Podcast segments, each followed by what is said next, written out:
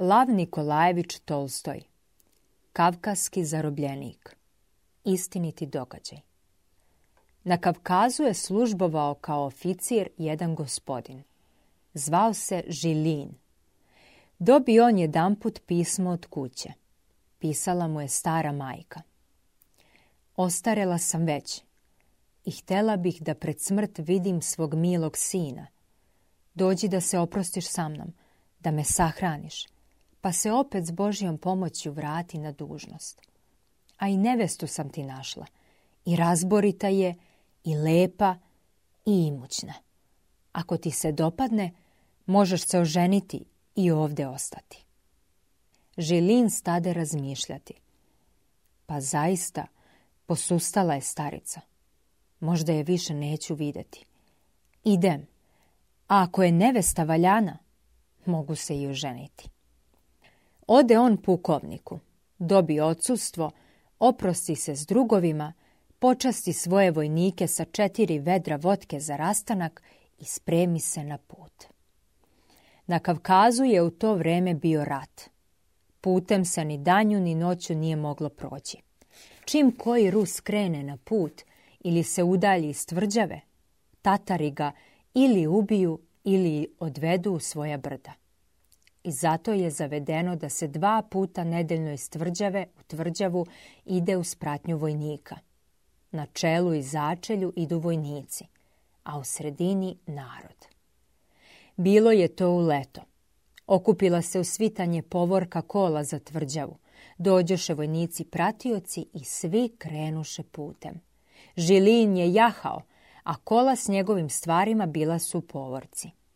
Trebalo je preći 25 vrsta. Kola su odmicala polako. Čas se zaustave vojnici, čas negde spadne točak ili stane konj i svi se zaustave. Čekaju. Po suncu se vidjelo da je već prevalilo podne, a povorka je prešla jedva polovinu puta. Prašina, žega, sunce pripeklo, a nema se gde skloniti gola stena, ni drvceta, ni žbuna na putu. Odjahao želi napred. Zaustavio se i čeka dok ne pristigne povorka. Začu kako na zaleđu zasvira rog. Opet zastoji. želin pomisli. Da li da idem sam, bez vojnika? Konj je podamnom valjan, a i ako nabasam na tatare, umaći ću ili da ne idem. Zastade, dvoumio se.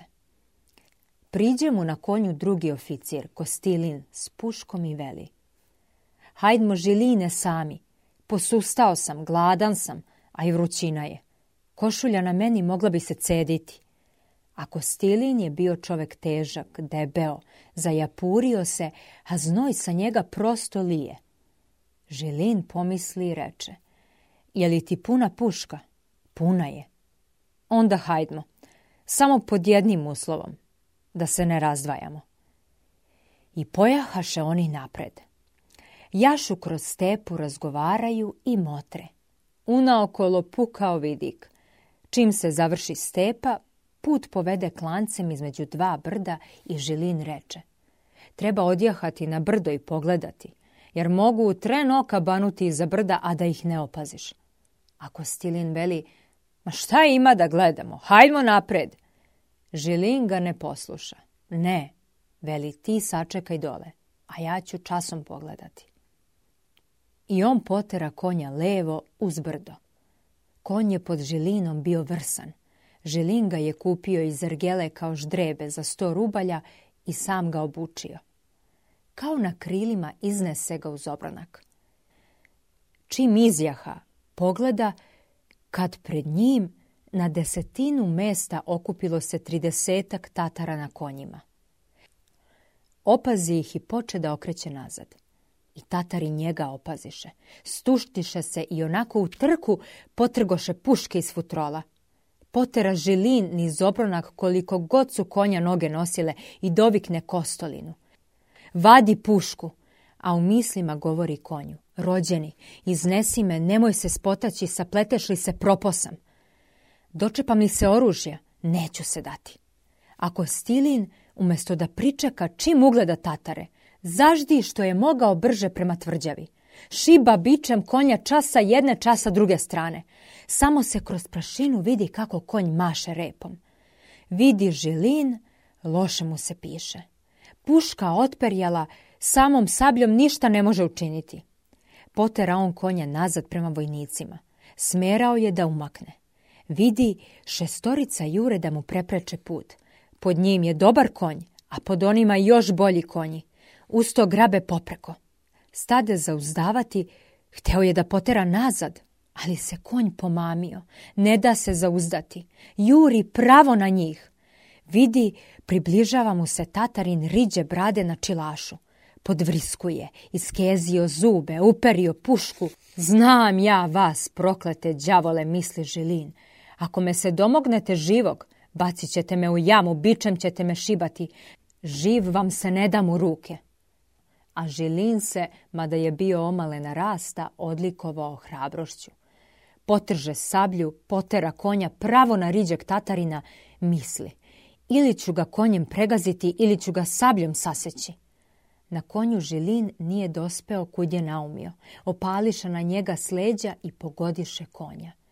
Svali se konj kao proštac na zemlju. Priklešti Žilinu nogu. On htede da ustane, ali na njemu već sede dva smrdljiva tatarina i skreću mu nazad ruke. Trže se on, zbaci sa sebe tatare, ali još trojica poskakaše s konja na njega i stadoše ga udarati kundacima po glavi potamne mu pred očima i povede se. Dograbiše ga tatari, uzeše sa sedla rezervne kolane, saviše mu ruke na leđa, vezaše ih tatarskim čvorom i povukoše ga sedlu. Smakoše mu kapu, izuše ga, sve ga potresoše. Novac i sat uzeše, a sve mu odelo pocepaše. Osvrnu se žilim prema svome konju. On jadnik, kako je pao na bok, tako i leži, samo se džilita, ne dotiče nogama zemlju. U glavi rana, a iz rane crna krv šiba. Na aršin unaokolo poškropila prašinu. Jedan tatarin priđe konju, poče mu skidati sedlo. Konj se neprestano džilitao. Tatarin potrže hanđar i preseče mu grkljan. Krv šiknu iz grla.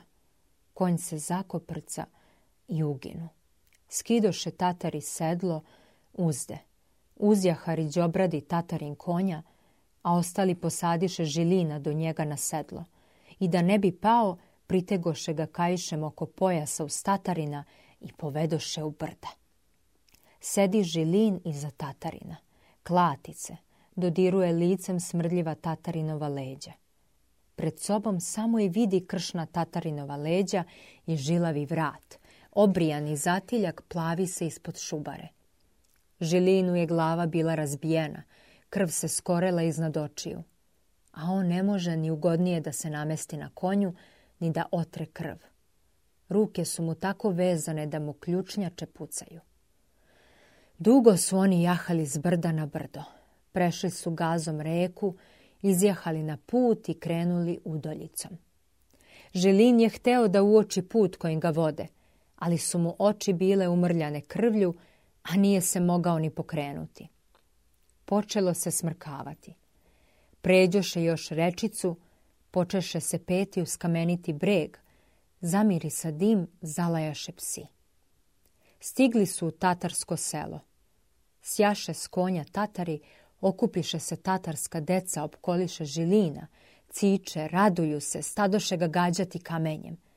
Tatarin otera decu, skide žilina s konja i dozva slugu. Dođe nogojac, isturenih jagodica, samo u košulji. Košulja poderana, čitave grudi razdrljane. Tatarin mu nešto naredi. Sluga donese klade, dva hrastova trupca uglavljena u dva gvozdena obruča i u jednom obruču uška i katanac. Razvezaše žilinu ruke, staviše ga u klade i povedoše u šupu gurnuše ga unutra i zatvoriše vrata. Želim pade na đubre. Proleža tako neko vreme, pa napipa u mraku mekše mesto i opruži se.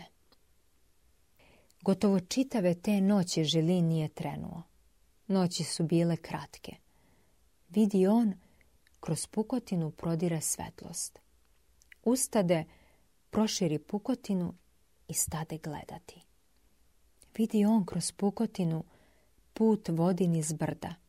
Desno tatarska krovinjara, dva drveta krenje. Crni pas leži na pragu, koza i jarići idu, mašu repićima. Vidi, ispod brda ide mlada tatarka. U šarenoj raspasanoj košulji, u šalvarama i čizmama, glava joj je pokrivena kaftanom, a na glavi veliki limeni vrč s vodom. Ideja pleće joj se tresu, njiše se, a za ruku vodi obrijano tatarče, samo u košulji. Uđe tatarka s vodom u krovinjaru, izađe jučerašnji tatarin s riđom bradom, u svilenom bešmetu sa srebrnim hanđerom o ramenu, u papučama na bosu nogu. Na glavi mu visoka ovnujska crna šubara zabačena na potiljak. Izašao, proteže se, gladi riđu bradu. Postoja malo, naredi nešto sluzi i ode nekud. Projahaše zatim na konjima dva dečaka na pojelo, konjima njuške mokre. Dotrčaše još neki dečaci, obrijani, samo u košuljama, bez gaća. Okupiše se u gomilu, priđoše šupi, uzeše prut i stadoše ga gurati u pokotinu. Žilin dreknu na njih. Zavrištaše deca. Zaždiše da beže, samo im se gola kolena belasaju. A Žilina mori žeđ. Osušilo mu se grlo. Misli, kad bi došli da ga obiđu. Osluškuje. Otvaraju šupu. Dođe riđi tatarin a sa njim još jedan, niži rastom, crnomanjast. Oči crne, sjajne, rumen, bradica malena, potkresana. Lice veselo neprestano se smeje. Crnomanjast je još lepše obučen, plavi svileni bešmet, opšiven gajtanima. Veliki hanđar za pojasom, srebrn, papuče crvene od safijana, isto tako opervažene srebrom a preko finih papuča druge kao nanule. Šubara visoka od bele ovnujske kože. Riđi tatarin uđe, reče nešto kao da grdi i ućuta. Nalaktio se na dovratak, poigrava se hanđerom kao kurjak mrko meri žilina, a crnomanjasti, okretan, živahan, prosto kao da hoda na oprugama. Priđe pravo žilinu, čučne, širom razvuče usne, potapša ga po ramenu i stade nešto brzo, brzo na svom jeziku da melje. Očima namiguje, jezikom cokće neprestano ponavlja. Dobro urus, dobro urus. Žilin ništa nije razumeo i veli, da pijem, vode dajte da pijem. Crni se smeje. Dobro urus, neprestano brblja nešto na svom jeziku. Žilin ustima i rukama pokazuje da mu daju vode. Crni shvati, nasmeja se, pogleda kroz vrata, pozva nekog. Dina! Dotrča devojčica, tanušna, slabašna, od svojih 13 godina. U licu nalik na crnog. Očito njegovog kći. Oči su je isto tako crne, svetle. U licu je lepa. Odevena je u dugu plavu košulju sa širokim rukavima i bez pojasa, na skutovima, grudima i rukama opšivenu crvenim.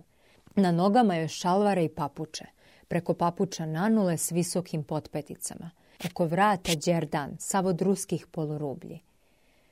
Gologlava, kosa joj crna, a u kosi traka. I u traku zadenuti broševi i srebrna rublja. Otac joj nešto naredi. Ona otrča i vrati se slimenim vrčem. Dade vodu, čučnu, tako se povila da su joj ramena došla niže kolena. Sedi razrugačila oči, gleda u žilina kako pije, kao u nekakvu zver. Želinju i vrati vrč, a ona odskoči kao divokoza. Čak se i otac nasmeja. Posla je opet nekud. Ona uze vrč, otrča, donese hleba presnaca na okrugloj daščici i ponovo sede – povise i oči ne skida. Gleda. Odoše tatari, opet zatvoriše vrata. Ubrzo dođe žilinu nogajac i veli. Ajda, gospodaru, ajda! Ni on nije znao ruski. Žilin samo shvati da zahteva od njega da pođe nekud. Krenu Žilin skladama, hramlje. Ne može da korača, pa iskreće nogu. Izađe Žilin za nogajcem. Vidi selo Tatarsko, deseta kuća i njihova crkva s kulicom. Kraj jedne kuće stoje tri osedlana konja. Dečaci ih drže za uzde. Istrča iz te kuće crnomanja si Tatarin, mahnu rukom da mu želim priđe. Smeje se, neprestano govori nešto na svom jeziku i uđe unutra. Uđe žilin u kuću. Soba lepa, zidovi ravno oblepljeni glinom uz čelni zid složene šarene perine. Sa strane vise skupoceni čilimi. Na čilimima puške, pištolji, sablje. Sve u srebru. U jednom kraju malena peć u visini poda. Pod zemljan, čist kao gumno. I čitav prednji deo zasrt pustinom. Preko pustine čilimi, a po čilimima perijani jastuci. Na čilimima u papučama sede tatari crni, riđi i tri gosta. Iza svakog je stavljen perjani jastuk, a pred njima na okrugloj daščici palačinke od prosa, kravlje maslo u čanku i tatarsko pivo, buza u vrču. Jedu rukama, a ruke im sve umašćene. Skoči crni, naredi da stave žilina da sedne u kraj. Ne na čilim, već na go pod. Vrati se opet na čilim i poče služiti goste palačinkama i buzom. Smesti sluga žilina gde mu je rečeno, pa skide nanule, stavi ih kraj vrata gde su stajale i druge i sede na pustinu bliže gospodarima. Gleda kako jedu, a voda mu ide na usta. Pojedoše tatar i palačinke. Dođe tatarka u istoj košulji kao i devojčica i u šalvarama. Glava joj ubrađena maramom. Odnese maslo, palačinke, prinese im oveći legen i vrč sa uzanim grljkom. Tatari opraše i skrstiše ruke, podaviše noge podase, huknuše na sve strane i očitaše molitve. Zapodenuše razgovor na svom jeziku. Zatim se jedan tatarin od gostiju okrene žilinu i obrati mu se na ruskom. Tebe je veli zarobio Kazi Muhamed, pokaza riđeg Tatarina i dao te Abdul Muratu pokaza crnomanjastog. Sad je Abdul Murat tvoj gospodar. Žilin je ćutao. Progovori Abdul Murat i jednako pokazuje na Žilina. Smeje se i dodaje. Soldat Urus, dobro Rus. Tumač veli. On ti naređuje da pišeš pismo kući da za tebe pošalju otkup. Čim pošalju novac, pustit će Žilin se zamisli i reče. A da li traži mnogo za otkup? Porazgovaraše se Tatari i tumač reče. Tri hiljade moneta. Ne, veli Žilin. Ja to ne mogu da platim. Skoči Abdul. Stade mahati rukama. Nešto govori Žilinu. Sve misli da će on razumeti. Prevede tumač. Veli, koliko ćeš dati? Svi Tatari zagrajaše u jedan mah stade Abdul vikati na Riđeg. Razveza tako da mu je sve slina iz usta vrcala, a Riđi samo trepće i cokće jezikom. Začutaše oni. Tumač veli. Gospodaru je malo 500 rubalja otkupa. Platio je za tebe 200 rubalja. Njemu je Kazi Muhamed bio dužan. On te je uzeo umjesto duga. Tri hiljade rubalja niže neće da spusti. A ako ne napišeš, strpat će te u jamu naredit će da te šibaju bičem. Eh, misli Želin, ukoliko ih se više uplašiš, toliko gore, skoči i reče. A ti mu hulji reci, ako me bude plašio, ne dam mu ni kopjejke, a neću ni pisati. Nisam se bojao, niti ću vas se bojati hulje. Prevede tumač i ponovo svi zagrajaše u isti mah. Dugo su brbljali skoči crni i priđe žilinu. U Rus, veli, džigit, džigit u Rus. Džigit kod njih znači delija. I smeje se, reče nešto tumaču, a tumač veli, daj hiljadu rubalja. Žilin ostade pri svome. Ne dam više od petsto, a ako me ubijete, nećete dobiti ništa. Porazgovaraše se tatari. Poslaše neku slugu, pa pogledaju času žilina, času vrata. Vrati se sluga, a za njim ide neki debeo, bos i poderan čovek. I on u kladama. Žilin se prenerazi. Prepoznade Kostilina. I njega su uhvatili. Staviše ih jednog kraj drugog, stadoše oni pričati jedan drugom, a tatari gledaju čutke. Ispriča Žilin šta mu se desilo. Kostilin ispriča da je konj pod njim stao, a puška zatajila, i da ga je ovaj isti Abdul stigao i zarobio. Skoči Abdul, pokazuje na Kostilina, govori nešto. Tumač prevede da sada obojica pripadaju istom gospodaru i onog koji pre da novac, preće i pustiti. Eto, veli Žilinu, ti jednako sikćeš, a tvoj drug je miran. Napisao je pismo kući, poslaće mu pet hiljada moneta. Lepo će ga hraniti i neće mu ništa uskraćivati. Žilin veli, moj drug kako hoće. On je možda bogat, a ja nisam. Onako veli kako sam rekao, tako će i biti. Ako hoćete, ubijte. Koristi nećete imati, a ja neću napisati za više od 500 rubalja. Počutaše neko vreme. Na jednom Abdul skoči. Uze škrinjicu, izvadi pero, parče papira i mastilo, tutnu žilinu, tapše ga po ramenu, pokazuje. Piši! Pristao je na 500 rubalja. Stani malo, veli Žilin tumaču. Reci ti njemu da nas lepo hrani, odene, obuje kako priliči, da nas drži zajedno, bit će nam ugodnije i da nam skine klade. Gleda u gospodara i smeje se. Smeje se i gospodar. Pošto sasluša, reče. Odelo ću im dati najlepše i dolamu i čizme kao za svadbu. Hranit ću ih kao kneževe. A ako žele, mogu biti zajedno. Neka se smeste u šupi, a klade im ne mogu skinuti. Pobeći će. Samo ću im ih noću skidati. Priskoči potapša žilina po ramenu. Tvoja dobar, moja dobar. Napisao Žilin pismo, ali ga ne adresova tačno, da ne bi stiglo. Misli u sebi pobeći ću. Odvedoše Žilina i Kostilina u šupu. Donesoše im tamo šaše, vodu u vrču, hleba. Dve stare dolame i poderane vojničke čizme. Videlo se da su ih skinuli sa ubijenih vojnika. Preko noći skinuli su sa njih klade i zatvorili ih u šupu.